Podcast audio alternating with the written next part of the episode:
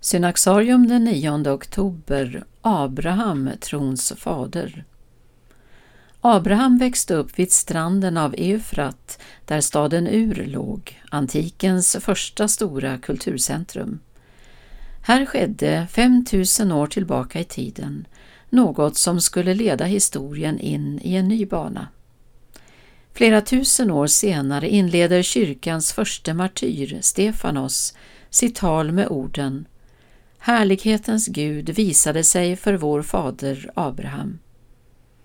I det ögonblick Gud visar sig för Abraham börjar ett trons äventyr, en vandring som skulle leda till alltings förnyelse.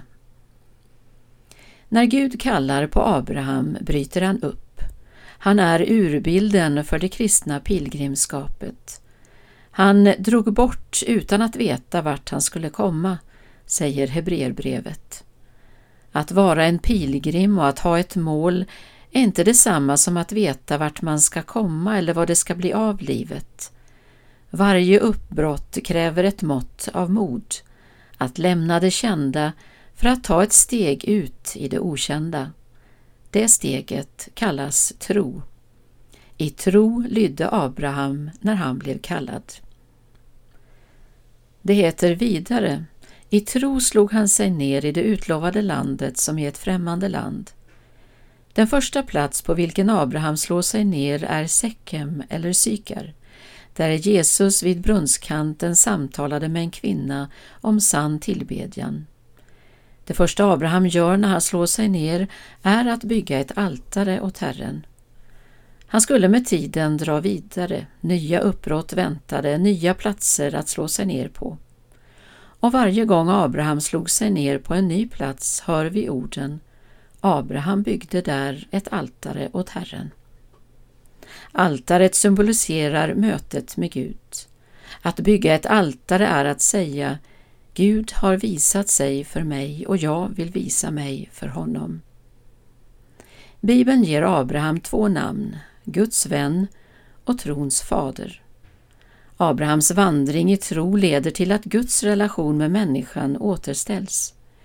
I Abraham har alla de tre stora monoteistiska religionerna en gemensam patriark och därmed en viss samhörighet. Det är genom Abraham som Gud ingår ett evigt förbund med alla folk. Med honom sätter Gud sin plan i verket att låta alla få del av hans vänskap och välsignelse. Tillsammans med sin hustru Sara lyssnar Abraham uppmärksamt till Guds ord och låter det leda till handling. Därför är de båda förebilder på trons väg.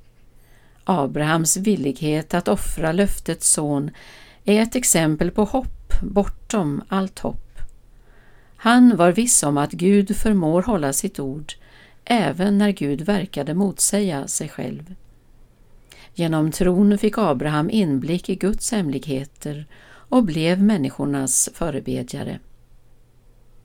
Abraham dog efter ett långt liv, gammal och mätt av år, berättar Toran. Han begravdes av sina söner Isak och Ismael i Makpela-grottan.